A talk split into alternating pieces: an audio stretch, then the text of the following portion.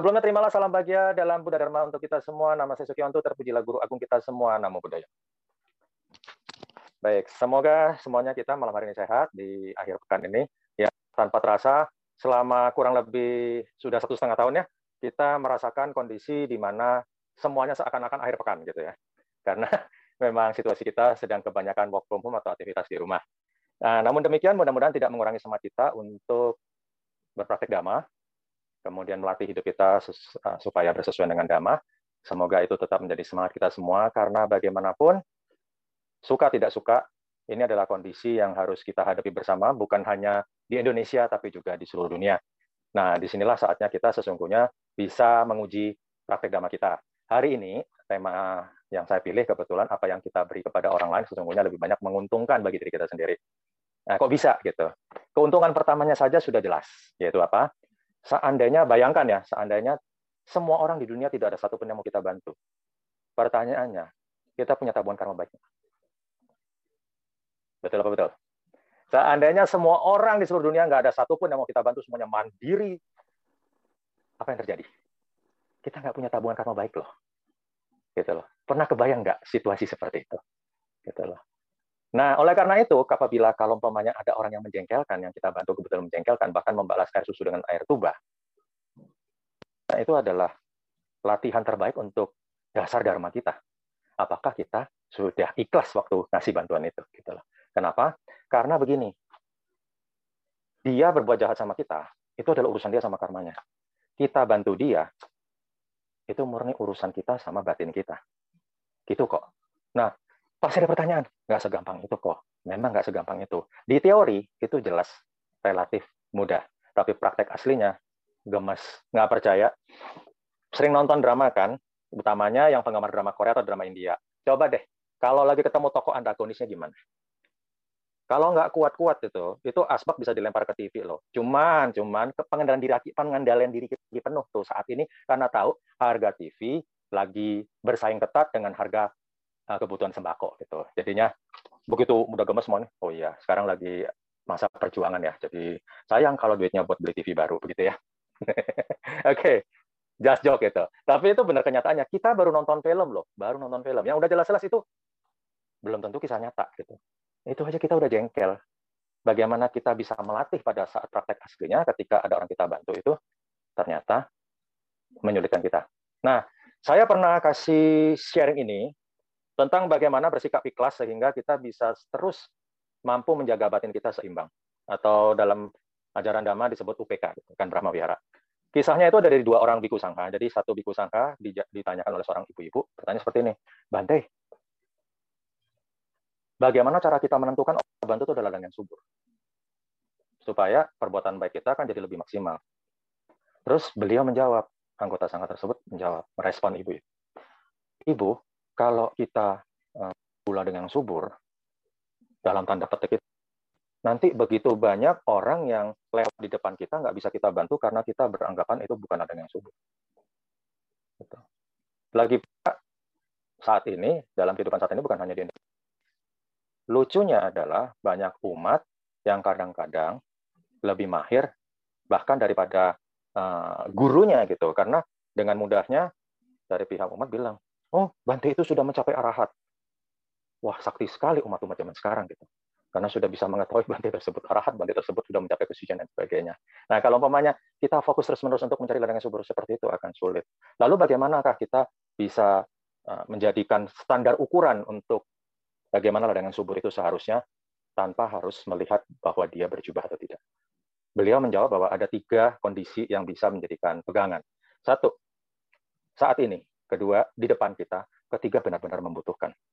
Lalu beliau menjelaskan, Ibu coba bayangkan pada itu pagi itu Ibu sudah bertekad ingin berdana kepada Biku Sang. Ibu sudah masak sejak jam 4 pagi dengan penuh danakan kepada para anggota sangha untuk sarapan pagi. Tiba-tiba pada saat keluar, ternyata ada seorang tunawisma yang kebetulan sudah semalaman di depan rumah ibu dalam keadaan kondisi yang sangat kelaparan karena mungkin beberapa hari tidak makan.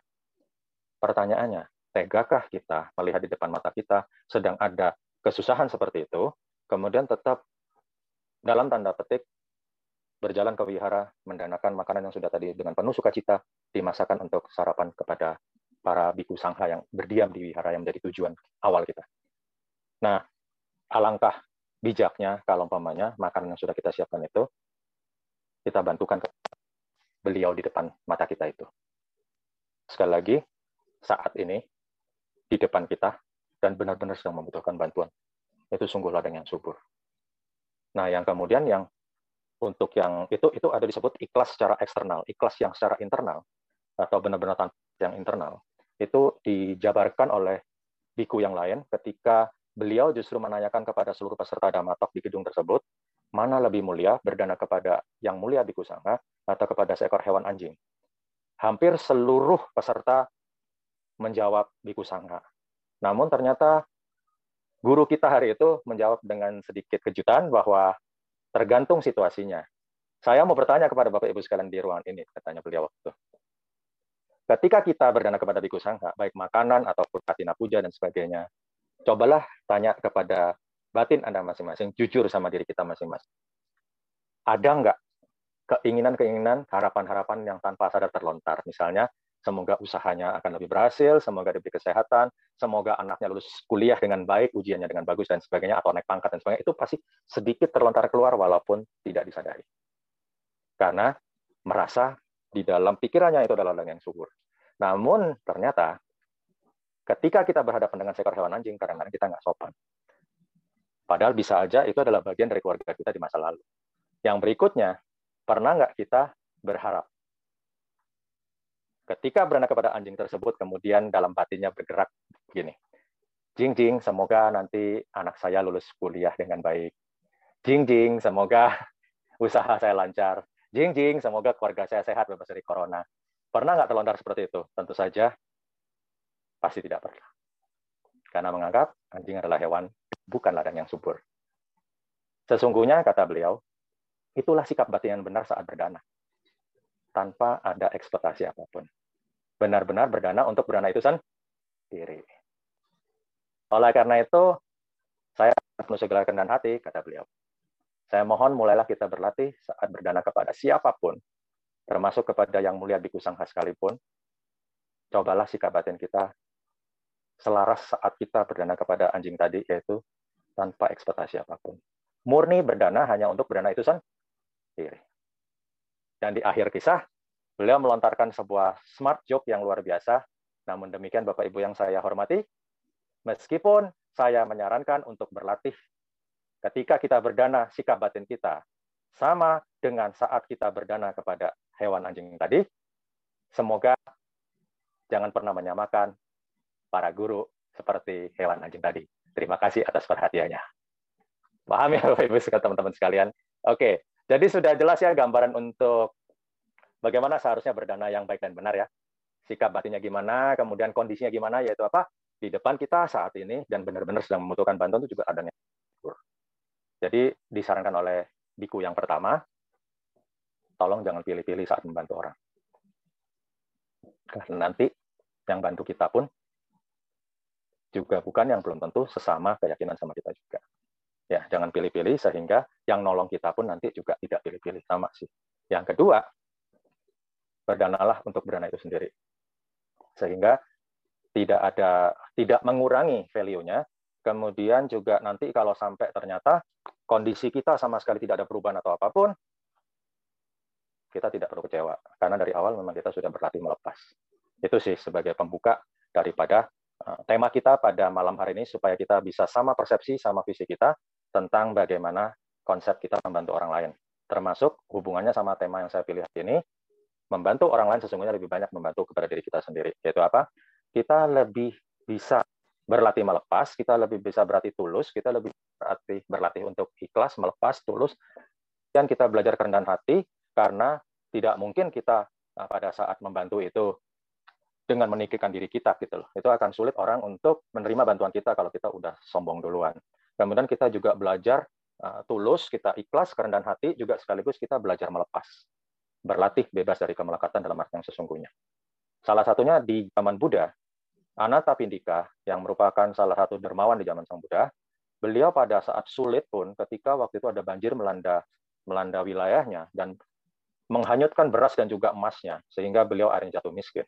ternyata beliau tetap bersedia untuk komitmen berdana kepada para biku sangha dan juga membantu uh, sekelilingnya padahal beliau sendiri lagi kesulitan. Cuman memang berasnya biasanya beras yang terbaik jadi beras tajin. Nah, di situlah Sang Buddha memberikan pujian. Inilah yang disebut kedermawanan yang sejati. Artinya, ketika dalam tanda petik hancur lebur total sekalipun, umpamanya persis kayak kondisi kita saat COVID saat ini, ternyata yang mulia Anatapindika ini tetap komitmen dan konsisten berdana kepada Biku Sangha, juga membantu masyarakat yang sama kesulitan dengan dirinya, dan bahkan beliau beberapa waktu sering puasa juga, karena kan memang beliau mengutamakan untuk bisa berdana kepada anggota sangha dan juga anggota masyarakat yang membutuhkan bantuan. Nah, itu sih kurang lebih dari pembukaan untuk tema kita. Mudah-mudahan bisa menjadi visi dan persamaan persepsi bagi kita semua. Kenapa sih ketika kita bantu orang lain, ternyata tuh sebenarnya nggak jauh lebih beruntung kita gitu loh. Yang tadi seperti saya buka, bayangkan apabila di seluruh dunia tidak ada satupun yang mau kita bantu, apa yang terjadi? Tabungan karma baik kita ada nggak? Gitu. Yang kedua, yang lebih terima kasih seharusnya kita, bukan mereka yang kita bantu. Karena seandainya mereka nggak menerima bantuan kita, kita tidak pernah punya tabungan karma baik itu. Yang ketiga, kita berlatih melepas aku kita, kita berlatih melepas daripada apa yang kita miliki, karena sekali lagi ada sebuah hukum kesuksesan yang disebut kesuksesan diukur bukan dari apa yang kita genggam, tapi dari apa yang kita lepas, yaitu dari apa yang kita danakan. Termasuk ada salah satu quote yang saya suka juga, ketika standar hidup kita naik, naikkanlah amalmu, bukan naikkan gaya hidupmu.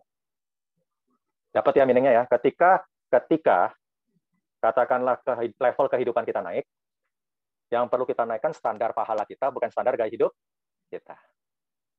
Cuman masalahnya sih kalau lagi lancar kita suka kilaf. Kilafnya apa? Self reward, menghadiahi diri sendiri. Hingga akhirnya hadiah buat diri kita sendirinya lebih banyak daripada yang kita kasih orang. Gitu. Nah, kisah apa lagi yang bisa jadikan motivasi kita buat sampai tahapan tema kita hari ini? Berbuat baik kepada orang lain justru memberikan benefit kepada diri kita sendiri lebih banyak. Sekitar mungkin belasan tahun yang lalu, saya mengikuti ceramah seorang biku sangha. Biku sanghanya memang dari asing, bukan dari bukan dari Indonesia.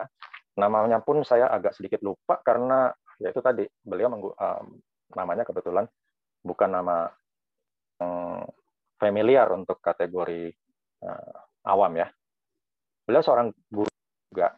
Beliau mengisahkan kejadian yang beliau alami waktu di wihara lain ketika saya mengikuti dhamma tersebut. Beliau menceritakan seperti ini, dengan bahasa Indonesia yang memang agak sedikit berputar karena beliau harus mencari padan katanya. Gitu. Tapi it's okay. Yang penting maknanya dapat. Gitu. Beliau bercerita pada suatu waktu datang ke sebuah wihara, di mana pada saat beliau memasuki ke dalam baru-baru pintu masuk utamanya itu, beliau menyaksikan sebuah pemandangan yang mengesankan, di mana ada seorang anak laki-laki dengan sikap yang sikap tubuh yang uh, tidak sebagaimana mestinya begitu ya. Uh, sambil berkata begini sambil jadi nyodorkan. Saya saya ilustrasikan aja ya. Jadi matanya tuh agak naik ke atas bola matanya katanya pantai tersebut sambil bilang begini padana padana. Jadi sambil mandang ke arah ayahnya. Saya melihat kata Bante itu memang agak seram gitu uh, bahasa tubuh daripada si anak itu si Bante. Tapi kemudian sang ayah langsung menyodorkan uh, uang Terus kemudian anak itu berjalan menuju ke arah altar dengan sikap yang bukan seperti uh, katakanlah masyarakat pada pada umumnya gitu. Jadi memang pasti ada ada kondisi kebutuhan khusus gitu loh kepada anak tadi. Bantainya kemarin mengikuti karena penasaran, kenapa anak ini tiba-tiba begitu begitu nyampe wihara langsung padana padana begitu. Nah, ketika sampai di di altar di dalam ruangan altar itu, ada kotak dana, anaknya tuh langsung memasukkan uangnya ke kotak tersebut, lalu dengan posisi Angela begini, berdoa di depan altarnya, semoga dana ini memberikan kebahagiaan bagi semua makhluk. Udah gitu aja, dengan terbata-bata. Terus kemudian dia kembali, dia bilang, ah, sudah Pak, terima kasih. Udah gitu aja. Nah, nah Bante ini bukan bermaksud untuk kepo ya, Tapi pengen tahu latar di balik kejadian tersebut gitu loh. Siapa tahu bisa inspirasi beliau gitu. Dan ternyata benar, beliau dapat sebuah hadiah dharma. Sang ayah bercerita kepada Bante tadi, Bante, ini bukan hanya terjadi di di wihara, tapi di rumah ibadah agama lain kalau saya kebetulan diundang oleh rekan-rekan. Di rumah ibadah mana pun, begitu dia lihat ciri-cirinya mirip rumah ibadah, tahu gimana, dia pasti spontan untuk padana. Dan bukan hanya itu, kalau dia melihat di jalan itu ada tunawisma atau apa yang kebetulan dia langsung juga sama padana gitu. Entah kenapa spontan padana gitu. Ya. Padahal beliau itu bimbingnya beda gitu ternyata semua agama sama sama tunawisma pun padahal kan aslinya katanya Bapak tadi beliau itu mengajar ke anaknya itu untuk dana di wihara gitu. Tapi ternyata anaknya lebih luas lagi padananya berlaku bukan hanya wihara tapi juga tempat ibadah agama lain sekaligus orang-orang yang kebetulan membutuhkan bantuan. Kalau saya kebetulan Bante kurang nyaman kalau memberikan uang kepada yang di jalanan karena beberapa di antara mereka saya lihat masih bisa bekerja sih seharusnya gitu loh. Jadi biasanya kasih makanan saya biasanya kalau anak saya udah teriak padana gitu di dalam mobil supaya dia tenang, saya kasih dia kue-kue. Kemudian kalau lampu merah bisa berhenti, dia kemudian memberikan makanan tersebut kepada teman-teman kita yang kebetulan yang ada di jalan itu. Nah, terus kemudian uh, si bantunya nanya lagi, boleh tahu nggak tujuan awal ketika untuk berdana seperti itu tuh buat apa? Gitu. Ingat ya tadi ya, si bapaknya bilang kan, kalau awalnya mengajarkan si anak itu berdananya fokus ke wihara. Tapi entah kenapa, anak kali melihat ciri-ciri tempat yang mirip rumah ibadah. Jadi bukan hanya di wihara itu, entah kenapa si anaknya juga ikut otomatis padana. Termasuk melihat kondisi teman-teman di jalanan yang membutuhkan bantuan, dia langsung spontan padana, padana kayak tadi itu. Dan dia belum berhenti kalau nggak dikasih. Nah, akhirnya ditanyakan sama bantenya tujuan tujuan Anda untuk mendidik anak seperti itu walaupun awalnya cuma fokus ke wihara saja boleh tahu nggak latarnya apa nah akhirnya si bapaknya bilang begini Bante anak saya sampai kondisi seperti ini itu pasti murni tanaman saya sendiri. Jadi itu adalah tanggung jawab saya untuk menjaga dia. Itu adalah buah dari tanaman saya pribadi. Saya udah berusaha berupaya untuk kesembuhannya, tapi ternyata tidak banyak yang bisa saya lakukan. Oleh karena itu, saya mengambil keputusan untuk memberikan yang terbaik dari yang situasi yang terburuk yang ada. Ajarnya berdana. Tujuan saya hanya berdana. Meskipun dia belum tentu mengerti apa yang dia lakukan, mungkin dia hanya melakukannya sebatas jangkauan intelektualnya yang sangat terbatas, tapi saya berharap begini, Bante. Siapa tahu suatu saat dengan tanaman dananya yang mungkin dia belum tentu mengerti, di kehidupan akan datang dia menjalani kehidupan yang tidak seperti ini. Dalam tanda petik, buahnya dia mendapatkan kebaikan atau kesembuhan. Tidak harus seperti ini kondisinya. Tapi kalau sampai dia tidak bisa lebih baik daripada kondisi yang sekarang, Minimal yang kedua, anak saya masih bisa ingat konsep perdananya di kehidupan akan datang. Sehingga dia bisa melanjutkan kebaikannya itu. Itu harapan saya yang kedua, Bante. Dengan mengkondisikan anak saya untuk berdana seperti itu walaupun dia belum tentu mengerti. Yang ketiga, kalau dia sampai ingatannya tidak terbawa, memorinya tidak terbawa ke kehidupan berikutnya tentang berdananya ini, Minimal yang ketiga, dia dapat orang tua seperti saya dan istri saya untuk mengkondisikan dia kegiatan berenang lagi. Itu tekad saya, Bante. Dan ternyata, Bante, yang beruntung bukan hanya dia. Tadi sebenarnya sudah saya kasih kisi-kisinya spoilernya ya. Bahwa beliau hanya mengajarkan di wihara. Tapi entah kenapa anaknya berdana di semua tempat yang mirip rumah ibadah termasuk kepada teman-teman kita yang kebetulan berkebutuhan yang ada di jalanan. Nah, itu Bante. Ternyata tekad saya untuk mengarahkan dia ke kehidupan yang penuh dana di tengah keterbatasannya. Saya pun dapat pelajaran dalam bahwa dhamma ada di jalan spiritual mana pun, bukan hanya di Buddhisme. Dan anak saya telah sukses menjadi guru dharma saya. Bukan hanya saya yang memberikan dia, tapi dia memberikan bimbingan buat saya. Pokoknya rumah itu bentuknya mirip-mirip tempat ibadah. Tempat kerohanian, dia tidak pandang bulu. Padana. Dharma ada di rumah mana aja, Bante. Bukan sebatas di rumah kita. Dan itulah yang saya dapat melalui anak saya. Sehingga, ya udah tadi, sesuai tema kita malam hari ini. Apa yang kita kasih kepada orang lain, ternyata lebih banyak memberikan manfaat buat kita sendiri tanpa kita sadari. Bapak tadi bercita-cita semoga anaknya siapa tahu bisa memiliki kebaikan hidup di masa di kehidupan ya, karena di kehidupan saat ini mungkin agak sulit dibantu. Kalaupun nggak sampai kembali kepada kehidupan yang seharusnya, yang kedua minimal ingatannya terbawa, ingatan berdananya. Dan yang ketiga, kalau sampai ingatannya pun nggak terbawa, mudah-mudahan terakhir dapat orang tua seperti dia dan istrinya. Tapi ternyata anak tersebut memberikan feedback yang luar biasa, sehingga ayahnya bisa paham bahwa Dharma itu indah karena universalitasnya. Cinta kasih dan kemanusiaan bisa ditemukan di rumah mana pun, bukan hanya di rumah sendiri. Dan anak itu telah mengajarkan saya, Bante. Dan bantainya ketika menutup ceramahnya, Damatok saat itu yang saya hadiri, beliau bilang, dan Bapak tadi juga memberikan bimbingan Dharma buat saya, bahkan sebelum saya ceramah saat itu di wihara. Mengapa? Karena saya pun belum tentu sanggup kalau harus menjaga anak seperti itu.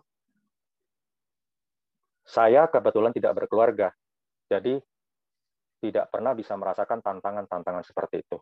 Karena saya punya banyak umat yang kalau punya anak memiliki kebutuhan khusus biasanya malulah, disia-siakanlah. Itulah yang sebagian terjadi. Sementara Bapak tadi benar-benar luar biasa menginspirasi saya, kata bantenya. Saya seorang guru mampu melakukannya. Bapak tadi sudah sukses menjadi guru dhamma saya sore itu di biara itu. Bahkan sebelum saya memberikan bimbingan dhamma memutar ya. Bapak tadi membantu anaknya, anak tadi membantu si bapaknya, si bapaknya memberikan sebuah hadiah buat bantunya juga. Begitu kurang lebih. Nanti kita bisa lanjutkan ke acara tanya jawab. Izinkan saya kembali review singkat mengapa alasan saya memilih tema ini karena sekali lagi pertama mengatakan kebahagiaan tertinggi adalah dari melepas. Namun sayangnya banyak dari kita, walaupun sudah mampu, jago, berbuat baik, bahkan banyak, kadang-kadang kita lupa untuk melepas. Sehingga akhirnya kebaikan kita masih kita genggam, dan saat ternyata kehidupan kita mungkin tidak ada perubahan secara signifikan. Sekali lagi, utamanya saya tarik kepada situasi kondisi kita saat ini, yaitu pandemi COVID, di mana banyak yang terdampak, akhirnya kita jadi kecewa. Beberapa kadang-kadang berhenti melakukan kebaikannya karena akhirnya karena kekecewaan tersebut. Namun demikian, dengan adanya ajaran Buddha Dhamma, mudah-mudahan kita bisa bisa melewati tahun-tahun yang penuh perjuangan ini justru untuk menguji ehipasiko betapa sesungguhnya bahagia itu dari melepas dalam arti yang sebenarnya. Situasi saat ini seharusnya menjadi motivasi buat kita semua untuk membuktikan keindahan dan dhamma. Bahwasanya, kalaupun kita nanti sampai ke dapat apa-apa, tidaknya kan kita sudah lepas dari kekuatan batin. Betul ya? Walaupun nanti akhirnya nggak dapat apa-apa.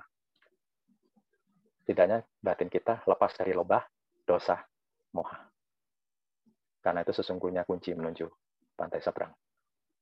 Demikian, semoga bermanfaat. Saya tunggu untuk sesi Q&A-nya. Terima kasih semuanya. Namo Buddhaya. Oke, apabila tidak ada pertanyaan secara langsung, saya bacakan nah, ini pertanyaan yang sudah masuk. Ya, boleh. Dari Bapak Bobi. Ya, silakan. Selamat malam, Ko Wedianto. Ya. Tadi dikatakan agar kita berdana tanpa ekspektasi. Hmm. Saya mengerti maksud yang disampaikan oleh Ko Wedianto ya. agar kita berdana tanpa pamrih. Namun, apabila kita berdana untuk tujuan pelimpahan jasa kepada para leluhur ya.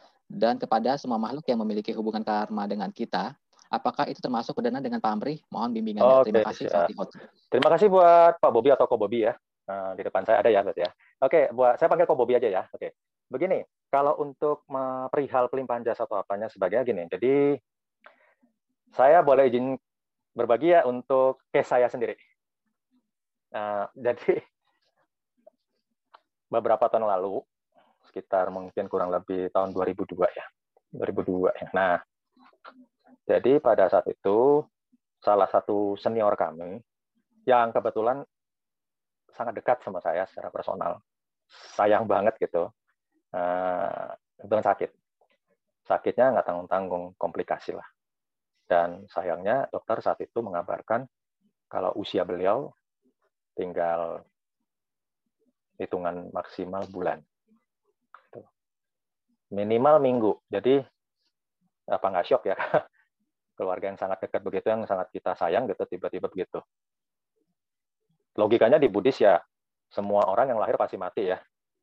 Tapi pada saat benar-benar dikasih tenggat waktu seperti itu tuh terpukul juga. Dan waktu itu usia saya juga sekitar tahun 2002 itu masih baru mungkin Hmm, bisa-bisa di bawah 30 ya itu itu. Nah, singkat cerita, karena saya nggak siap waktu itu, saya kemudian nggak tahu gimana mengupayakan segala cara, salah satunya dalam bentuk function.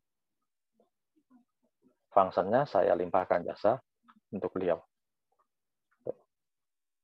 Dan functionnya tuh nyaris hampir tiap hari. Mengejar waktu. Gitu. Siapa tahu ketolong. Siapa tahu ketolong. Nah, ternyata benar. Dari minggu kebetulan dideadline sama medis, lepas. Uh, saya terus rajin melakukan fungsinya atas nama beliau.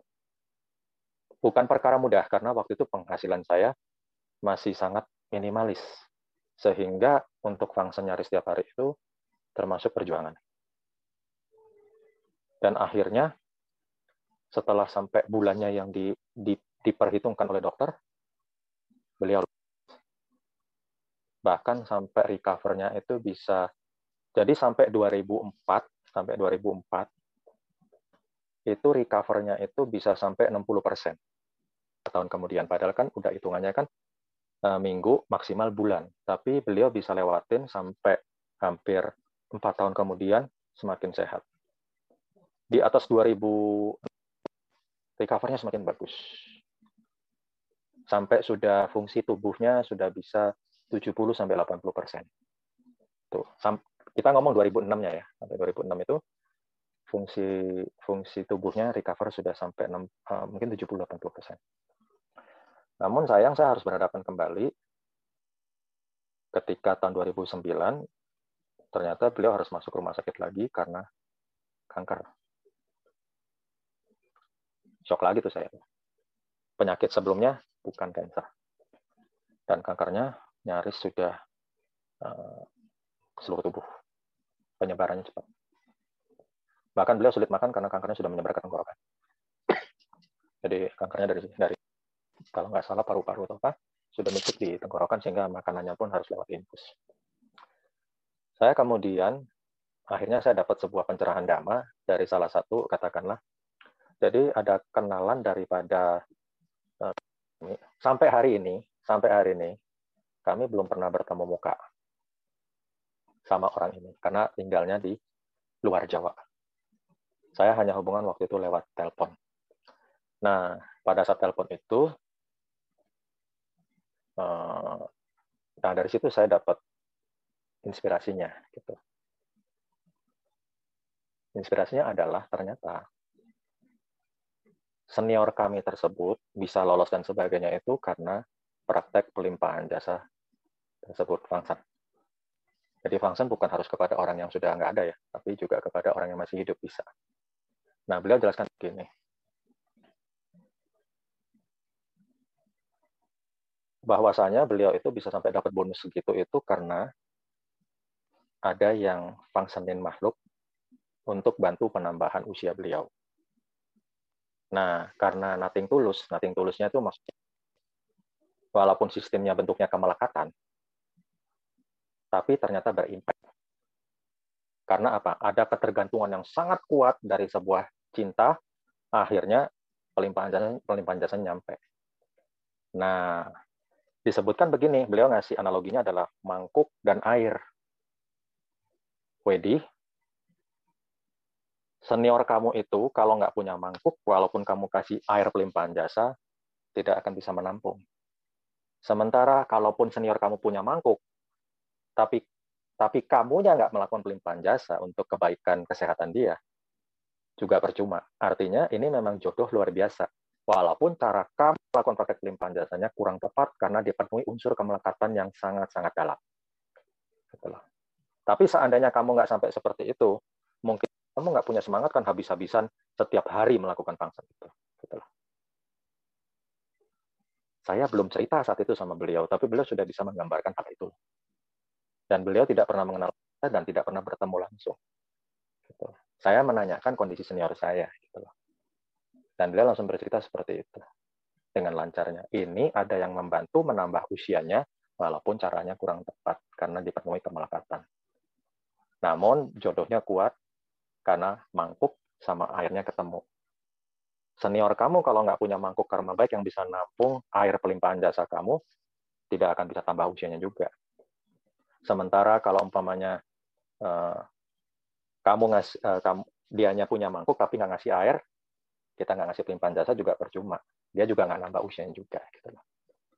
Nah singkat cerita, intinya buat bapak ibu teman-teman yang saya hormati, pelimpahan jasa itu makanya kita jangan sampai memang ekspektasi terlalu tinggi ya. Waktu itu saya melakukannya karena takut kehilangan aja.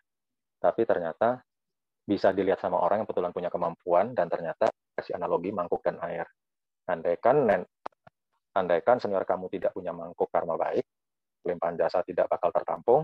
Andaikan uh, katakanlah punya mangkuk tapi kamunya tidak melakukan air limpahan jasa juga mangkuknya akan kosong. Jadi ini benar-benar sesuatu timbal balik dari dua belah pihak. Itu. Itu satu. Yang kedua, yang kedua, si susu tadi ngasih tahu setiap orang harus meninggal dunia. Oleh karena itu, tugas kamu adalah sekarang melakukan pelimpahan jasa untuk memperlancar meninggalnya agar tidak mengalami kesakitan jasmani yang luar biasa dan kesakitan batin karena harus berpisah dengan orang-orang yang sangat disayanginya. Dia pasti sangat sayang sama kamu, kamu pasti sangat sayang sama dia. Kalau enggak, kamu nggak mungkin melakukan pelimpahan jasa sampai dalam tanda petik senekat itu. Yang sekarang kamu lakukan harus memperlancar supaya tidak ada kesakitan dalam tubuh jasmaninya dan tidak ada kesakitan dalam batinnya. Karena dia tidak, belum sanggup berpisah sama orang-orang yang dicintai juga. Sama. Gitu Jadi saya harus lakukan function terakhir untuk supaya lancar meninggalnya. Gitu Apa? Dia kasih analogi lagi susu itu. Kalaupun kamu berhasil melakukan function sekali lagi atas nama cinta kasih kamu yang kuat itu, pertanyaannya, apakah kamu sanggup melihat penderitaan dari senior kamu tersebut? Karena itu cuma memperpanjang usianya, tapi bukan menyembuhkan penyakitnya. Beda. Karena memang saat ini beliau memang sudah waktunya. Dan apakah kamu tidak bersyukur sudah dikasih tambahan tujuh tahun?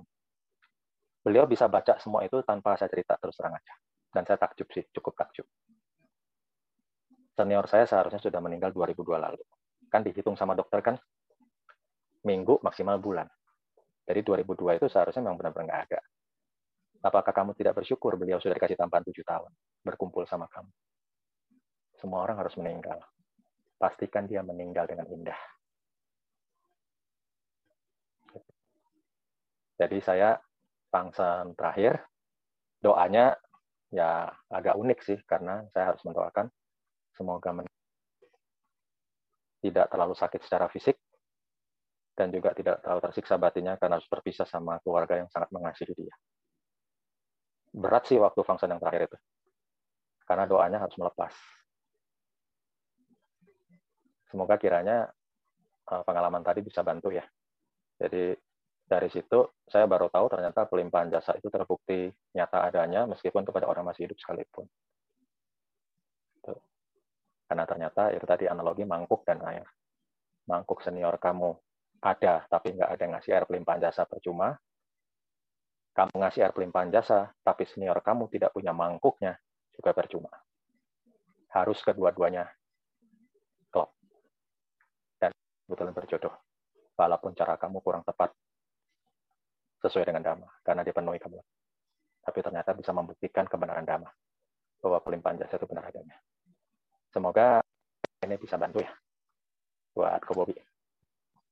Juga buat yang lain. Makasih banyak. Oke, ini ada satu lagi pertanyaan dari ya. Bapak Diki. Ya, oke. Okay. Ko Wedis, selamat ya. malam. Karena malam. pandemi ini banyak kerabat dan teman yang alami kesulitan keuangan. Ya. Apakah bijak jika saya alihkan alokasi dana yang biasa untuk wihara dan yayasan sosial ke kerabat tersebut? Terima kasih. Terima kasih. Oke, baik. Uh, sekali lagi, saya tidak bisa memberikan penilaian standarisasi bahwa ini betul, ini salah gitu ya. Ini baik, ini benar, mana yang lebih maksimal dan sebagainya itu bukan ranah saya. Tapi yang pasti melalui cerita yang tadi saya sampaikan di awal tentang standar untuk lahan yang subur, yaitu saat ini di depan kita dan juga sedang membutuhkan bantuan, mungkin nggak ada salahnya sih buat bantu keluarga juga. Karena jangan sampai menyalakan bahaya di rumah banyak orang, tapi lampu di rumah sendiri mati gitu. Tuh poinnya. Yang kedua adalah pengalaman saya pribadi kemarin sepanjang 2020 kebetulan memang berdampak sekali. Jadi COVID-nya nggak menyerang fisik saya, tapi menyerang kantong saya. Wah, seru itu. Nah, udah nggak bisa ngomong tuh. Sampai nangis aja itu sampai lupa caranya gitu waktu itu. Bukan bermaksud lebay, emang nggak bisa diomong gitu karena acara kebetulan semuanya di awalnya depending atau reschedule, tapi akhirnya jadi cancel karena tidak boleh keramaian. Sementara beberapa panitia yang mengundang saya belum siap secara digital. Sementara ongkos hidup harus tetap jalan. Gitu. Nah, di situlah saya pernah cerita juga betapa ada jasa daripada sahabat saya, eh, seorang biku sangha, mungkin pada kenal semua karena sudah diundang kemarin di saya lihat infonya di Damasuka, Biksu Sakya Sugata. Beliau waktu itu telepon saya dan itu sebenarnya telepon sebuah telepon kepedulian sih, telepon seorang sahabat. Pada saat itu beliau nanya, kondisi kamu gimana wet? Kan pekerjaan kamu berkaitan sama keramaian. Oh, iya suhu begini begini begini akhirnya oh tapi saya liatin sosmed kamu itu info acaranya cukup yang memang infonya banyak tapi itu kebanyakan memang charity. Hampir 100% adalah charity mengapa karena banyak yayasan sosial dan rumah ibadah juga yang terdampak karena kebetulan dermawan atau donatur penyokongnya terdampak secara ekonomi yang tadi seperti seperti Romo bilang tadi itu dialihkan ke keluarga dan sebagainya. Jadi yayasan sosial eh, tempat ibadah itu ada beberapa yang terdampak, termasuk beberapa karyawannya yang kena PHK sehingga akhirnya juga terdampak secara ekonomi dan sosial. Nah, beliau tiba-tiba spontan ngomong gini, oh gitu. Jadi kebanyakan itu sosial, iya, suhu hampir 100% itu charity, jadi nggak ada pemasukan buat saya. Terus beliau ngasih tahu, Wet, lu pernah kepikiran nggak, Wet? itu panitia-panitia yang ngasih lu kesempatan itu bisa aja ngundang narasumber lain dan narasumber lain itu dapat ya dan dapat pahalanya. Nah terus saya pikir-pikir maksudnya suka apa? Iya. Mereka ada bisa aja ngundang narasumber lain yang nanti narasumber itu yang isi acara dan yang narasumber tersebut yang dapat kesempatan untuk nanam pahala baru dan bukan kamu. Oh gitu so. Terus uh, maksudnya gimana arah bicaranya itu? Iya, karena nanya dana kan nggak harus urusannya sama uang. Kan memotivasi orang, mendidik orang itu kan termasuk berdana. Itulah. Buat lu pasti ingat kan, kalau umpamanya berdana pada saat kita berlebih, itu mah biasa. Semua orang bisa ngelakuin. Bahkan kadang-kadang kalau lagi berlebih lupa. Lebih banyak buat diri sendiri daripada di dan ke orang lain. Tapi kalau kita berdana pada saat lagi kosong, bukankah itu luar biasa? Gitu, Iya benar juga. Dan kalau udah berdana, tolong jangan tanggung-tanggung, kasih energi kebaikan di situ. Jangan cuma sekedar memenuhi kewajiban. Tapi jangan pura-pura bahagia, atau ngotot bahagia padahal lagi susah. Waduh, itu tips baru lagi. Gimana nih caranya supaya nggak pura-pura bahagia gitu kan? Atau ngotot bahagia gitu, padahal lagi susah. Ternyata beliau menjawab bahwa tanamkan pada diri lo kesempatan bahwa orang lain bisa ambil kesempatan ini, sementara lo yang dikasih kesempatan. Itu tanamkan pada saat lo ngisi kegiatan tersebut. Yang kedua, berdana pada saat lebih itu biasa, berdana pada saat kosong itu luar biasa. Itu yang kedua. Dan yang ketiga, kalau sampai lu bisa sampai tahapan seperti itu, di mana berdana lu sudah tidak ada ekspektasi lagi, hanya murni fokus pada berdana dengan kebaikan dan kebahagiaan siapa tahu alam semesta bisa nolong lu ngasih solusi. Pertanyaannya, gampang nggak melaksanakan hal seperti itu? Enggak. Karena apa? Suka nggak suka, poinnya adalah ekonomi saya sangat terganggu saat itu.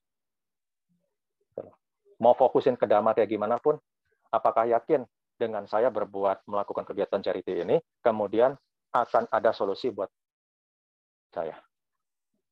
Tapi karena sudah tidak ada jalan lain, mau nggak mau harus dilakuin nggak? Mau nggak mau harus dilakuin. Nating tulus lah udah, udah kepepet sih, nggak ada solusi lain. Ternyata akan terjadi. Akhir tahun lalu, satu persatu, masalah keuangan kami bisa teratasi. Dan puncaknya kemarin Sinja 2021, kami sudah mampu memenuhi kewajiban kami pihak ketiga 100% lunas.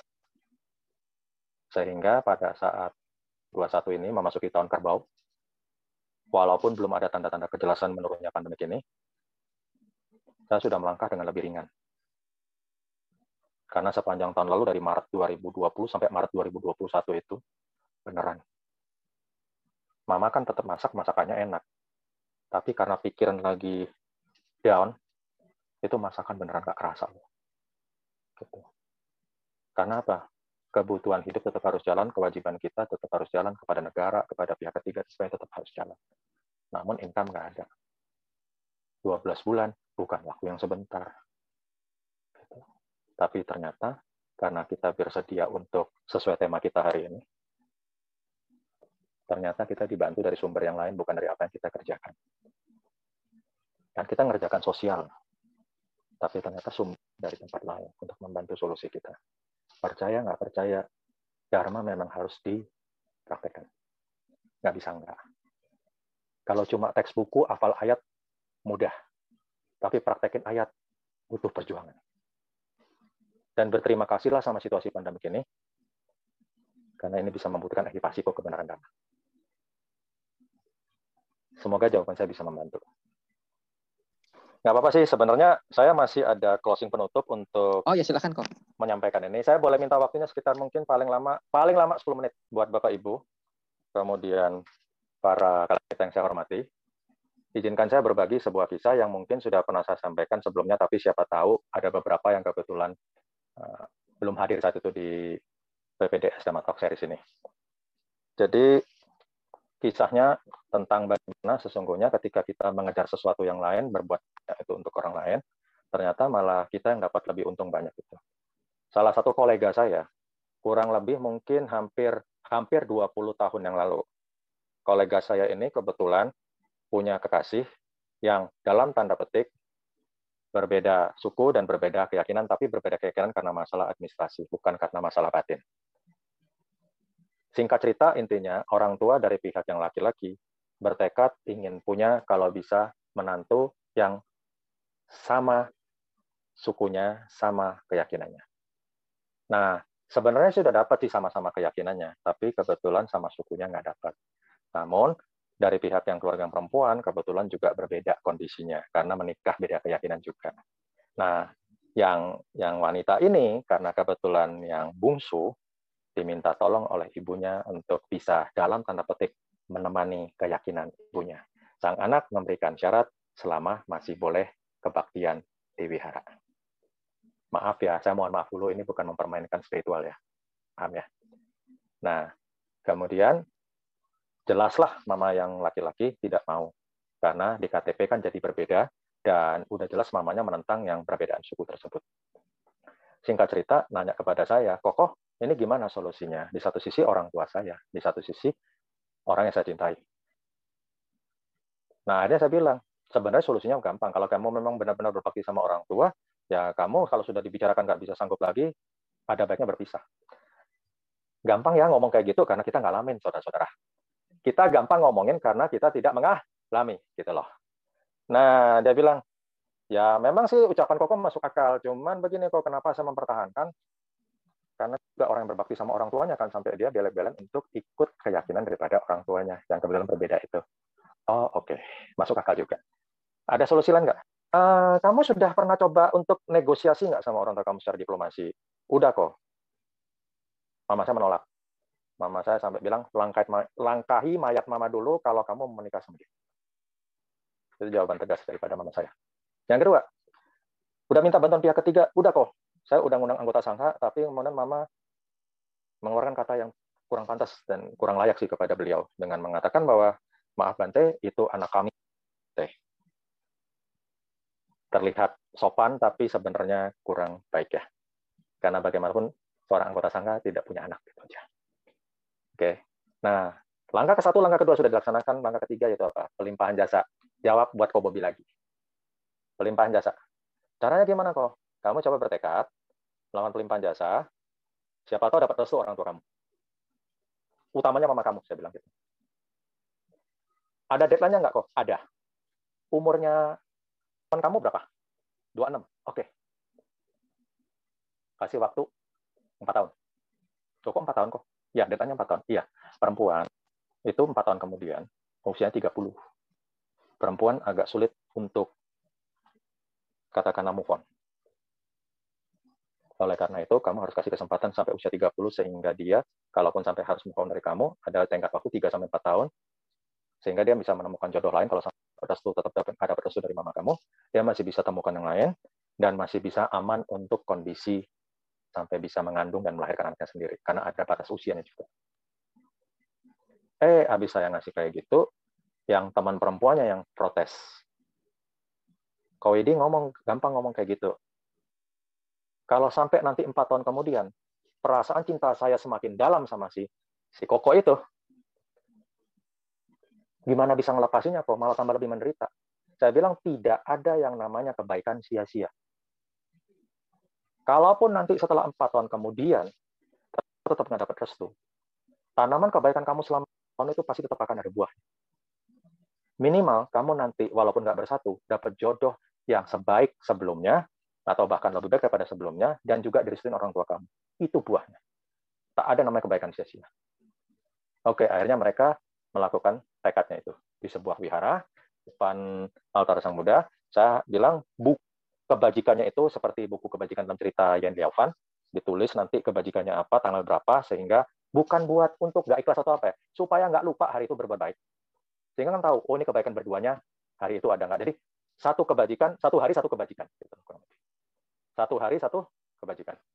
Nah, tanggalnya pun ditulis. Saya nggak tahu tanggalnya waktu itu. Udah mereka berjuang dan mereka tetap ngasih info dengan cara yang unik. Ternyata mereka menghentikan semua kegiatan kencan mereka yaitu makan dan nonton yang reguler diganti dengan praktek kebajikan. Jadi donor darah bareng, jadi relawan baksos bareng, datang ke Damatok dan sebagainya. Pokoknya fokus kepada kegiatan kebajikan. Karena menurut mereka empat tahun bukan waktu yang sebentar, bukan waktu yang lama gitu loh. Jadi istilahnya Jadi menurut mereka itu bukan waktu yang lama, jadi harus bekerja dengan waktu. Dan akhirnya apa? Pada tahun ketiga, saya nggak ngitung harinya ya, nggak ngitung atunya tiba-tiba dia nelpon. Kok sudah tiga tahun ini. Terus, iya, tapi lampu kuning aja dari nyokap belum ada. Tahu nggak jawaban saya apa waktu itu, saudara-saudara? Jawabannya benar-benar nusuk dan kejam sih. Saya jawabnya apa? Kan masih ada satu tahun lagi, bro. Saya minta di function nggak nih? Mentang-mentang nggak ngalamin, gampang banget ya. Kan masih ada satu tahun lagi, bro. Semangat kakak, gitu. Beneran deh, itu waktu itu benar-benar nggak dewasa banget gitu lah. Ya. Kan masih ada satu tahun lagi, bro. Oh iya benar-benar kok, benar kok. Dia nggak tahu saya nyolot banget tuh jawabannya. Sampai akhirnya mungkin 4-6 bulan kemudian setelah telepon itu, dia telepon lagi, kok Edi, ada kabar baik sama kabar buruk, lu mau denger yang mana dulu? Terus lu mau cerita yang mana dulu? Saya bilang gitu. Saya mau bebas-bebas aja, kan bukan kabar tentang gue ini. Gitu saya, wah benar-benar ya. Parah dulu saya. Terus akhirnya apa? Dia cerita, oh Edi, jadi tiba-tiba mama ngungkit tentang itu. Oh ya, gimana ceritanya? Mama bilang begini, eh, kok lu kok lu jadi anak uhau banget ya? Mama ajak ke mana pun ke dokter nemenin mama belanja, padahal padahal cuma muter-muter mall, pada akhirnya nggak belanja juga gitu. Terus ke pasar tradisional, becek-becekan. Mama cerita apa pun, kamu dengerin, kamu matikan handphonenya. Ada apa nih sama anak mama? Tiba-tiba anak mama bisa uh, nyuci bajunya sendiri, ngepel, cuci piring dan sebagainya. So umur-umur tuh anak mama nggak seperti itu. Ini pasti ada yang ada yang merubah. Gitu. Ada yang ngebimbing buat merubah anak mama. Ternyata saya baru tahu belakangan, berbakti kepada orang tua adalah bagian dari pelimpahan jasa mereka. Yaitu apa? Nemenin orang tua, kemudian matikan handphone pada saat berbincang-bincang sama orang tua, sehingga bisa fokus dan sebagainya. Sekali lagi, ternyata mereka menjadikan berbakti sama orang tua sebagai bagian dari pelimpahan jasa untuk mendapatkan restu itu. Nah, singkat cerita, mamanya bilang, mana teman lu? Mama tuh paling kenal sama anak mama. Nggak mungkin anak mama tiba-tiba aja berubah seperti ini. Ini pasti ada yang mengarahkan. Kalau sampai itu anak cowok, mama jadikan saudara angkat kamu. Kalau sampai perempuan, mama jadikan mantu. Wow. Mama jadikan mantu. Akhirnya apa? Saya datang kok ke rumah teman saya itu, tapi saya bilang, nanti kalau sampai rumah, siap-siap kalau sampai mama kan mereka backstreet. Tapi backstreetnya secara damai. Karena kan melakukan keba kebaikan, bukan negatif. Nah, singkat cerita, dibawa ke rumahnya, mamanya udah buru-buru lari keluar ke halaman. Kebayang nggak hampir empat tahun backstreet begitu? Dan ingat, langkain mayat mama dulu kalau kamu sampai masih sama dia ya. Begitu keluar, mama yang udah perempuan itu keluar. Langsung meledak Keluar semua mantra-mantra suci kata-kata mutiara apa pun keluar semua akibat emosi jiwa. Nah, di situ kok saya makin yakin menjadikan dia sebagai pasangan saya. Tuh, kenapa? Iya. Karena saya nggak melihat tanda-tanda bahwa dia nahan marah. Dia bisa berdamai sama semua kata-kata kasar mama saya. Saya kelihatan korat mukanya itu tidak ada tanda-tanda ekspresi menahan marah atau apalagi meledak balas kemarahan mama saya. Dari situ saya makin yakin bahwa inilah pasangan hidup yang sejodoh sama saya karena melihat ekspresinya saat berhadapan sama mama saya. Nah, kemudian saya mama saya kan mau nggak mau kan lama-lama capek juga keluar semua kata-kata itu. Nah, pada saat mama saya ambil nafas, saya minta izin untuk bicara. Ma, boleh izin nggak saya ngomong saat ini? Sayangnya jawaban mama saya di luar dugaan, walaupun saya nggak berani ketawa karena takut kualat dan takut dosa. Kenapa? Mama saya jawabnya gini, bentar, mama mau ambil nafas dulu. Gitu, mau ketawa takut dosa kok waktu itu. Nah, takut kualat juga. Akhirnya ya udah. Mama istilahnya saya mau ngomong dulu sebentar mah saya minta waktu sedikit aja nggak begini mah saya bersedia untuk menikah dengan wanita pilihan mama asal. Ada yang minimal sama baiknya sama dia. Yang bisa mengajarkan saya untuk lebih berbakti kepada orang tua. Yang bisa mendekatkan saya sama mama ketika perempuan lain di luar sana banyak kan yang kebetulan mengutamakan untuk mengajak dirinya daripada menyuruh cowoknya untuk menemani ibunya. Saya bersedia menikah dengan wanita pilihan mama kalau sampai ada perempuan lain yang lebih daripada dia yang bisa menyuruh handphone saya dimatikan supaya waktunya untuk mamanya daripada kalau nggak dibalas putus. Paham ya sampai di sini? Mama boleh menyuruh saya untuk menikah dengan perempuan lain asal melebihi daripada apa yang dia sudah lakukan buat mama. Yaitu tadi, lebih berbakti, lebih punya waktu, nemenin, handphone pun dimatikan supaya bisa lebih berbincang-bincang sama orang tua. Saya bersedia, mah. Mama saya kemudian diam. Mungkin dia sedang berpikir. Dan itu kok rasanya, walaupun cuma sekian menit, rasanya udah kayak dua jam atau dua tahun karena mama saya diemnya itu diam antara setuju atau enggak gitu. Tiba-tiba mama saya setelah sekian menit diam mungkin juga habis nafas ah, ambil ambil nafas itu kok. Mama saya terus jawab oke okay. kapan kita sangjit yes. Kapan kita sangjit akhirnya ya udah. Nah, terus kabar buruknya apa? Kabar buruknya adalah itu kok. Dia nanti tetap kurang berkenan kalau sampai dokumentasi. Nah alasan itu tadi. Ya gimana ya? Mohon maaf ya teman-teman ya orang tua kayak gimana pun, manusia yang tidak sempurna. Kebetulan beliau punya fanatisme di bidang suku dan ah, agama. Ya sudah, yang penting kamu dapat restu kan? Ya kok, itu yang paling penting. Restu orang tua dapat, Dan ingat teman-teman, ada harus pertengkaran nggak sama orang tuanya? Tidak. Ada pertumpahan darah nggak? Nggak. Ada kurang ajar dan durhaka nggak sama ibu? Tidak. Ada ngotot-ngototan nggak? Nggak. Semuanya dengan energi dharma, yaitu praktek pelimpahan jasa. Ini pembuktian kebenaran dhamma. Pelimpahan jasa itu benar adanya. Yang lebih hebat adalah poin yang saya dapat daripada si bro tadi adalah, kok ternyata sesuatu pelimpahan jasa yang kita harapin untuk dapat restu mama saya, pada akhirnya itu sebenarnya lebih bermanfaat kepada kita berdua karena kita jadi lebih berbakti orang tua. Kita jadi lebih ngertiin orang tua. Kita jadi lebih waktu, punya waktu buat orang tua. Kita jadi bisa matikan handphone kita untuk benar-benar berbincang-bincang sama orang tua kita. Sampai di ujung cerita, setelah hampir empat tahun ini kita melakukan praktek pelimpahan jasa ini, ujungnya ternyata dari awalnya kita targetin restu mama, tapi ternyata malah kita yang maju dalam dharma terlebih dahulu. Sehingga restu orang tua udah lagi bukan lagi prioritas, malah jadi nomor kesekian. Karena kita berdua mendapatkan intisari dharma itu sendiri. Sesuai tema kita kan?